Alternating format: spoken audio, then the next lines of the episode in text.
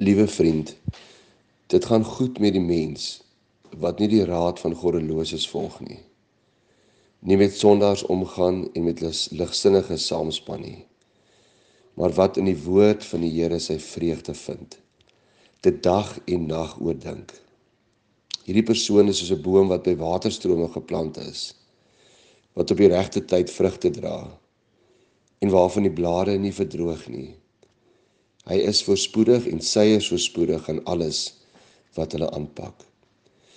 Vriende, vriende van my ehm um, het 'n huisie huisie in Vleesbaai en hulle die huisie so ge omgebou dat hulle die garage ook verander het in 'n woonstel of 'n plek waar jy kan slaap of kan bly. Ehm um, en dan slaap ons altyd daar in die garage as ons altyd daar by hulle kuier. 'n wonderlike woonstelletjie. Maar die feit dat ons in die garage gereeld slaap, maak nie van ons karre nie. En baie gelowiges, baie Christene dink so.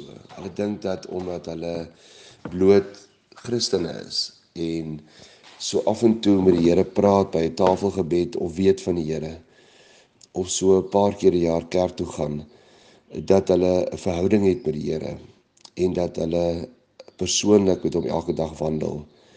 Maar vriende, ongelukkig is dit nie so nie. Daar's twee gebore, gebeure. Jy moet die Here jou God lief hê met jou hele hart, jou hele siel en jou hele verstand. En die tweede wat hiermee gelyk staan, met ander woorde wat ewe belangrik is, wat net so swaar weeg, is jy met jou laaste naaste so lief hê soos jouself. Maar vriende, die eerste gebod om vir God lief te hê, beteken dat ons met hom sal wandel. Ehm um, en dat ehm uh, toe ons nog uh, daai jare in die sonnaskool en katekisasie was, het ons gesê geloof is kennis plus vertroue. Kennis plus vertroue. Maar jy kan nie iemand vertrou. Jy kan nie met jou hande gevou staan en agteroor val soos ons altyd gemaak het en dat iemand jou vang as jy nie daai persoon gaan vertrou nie. Jy moet daai persoon met jou hele wese vertrou. En vriende, daarom moet jy die persoon ken want as jy hom of haar nie ken nie, kan jy hom of haar nie vertrou nie. En daarom moet ons die Here, wanneer ons met die Here wandel, kan ons die Here slegs vertrou vir alles, selfs in moeilike omstandighede. Selfs in omstandighede wat ons nie verstaan nie, selfs in die COVID-19 tye, kan ons regtig die Here eers vertrou as ons die Here ken. En vriende, hierdie ken is nie noodwendig net 'n boekekennis of 'n Bybelkennis nie, maar dis ook dit. Ons moet van hom lees. Ons moet luister hoe hy uh met die volk Israel gewandel het.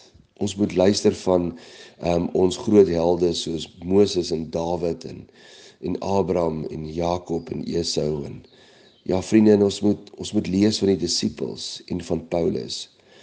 Maar deur hierdie verhale lees ons eintlik die hart van God ken. En weet ons dat hy liefdevol, dat hy regverdig is, maar dat hy ongelooflike empatie en omgee vir ons het.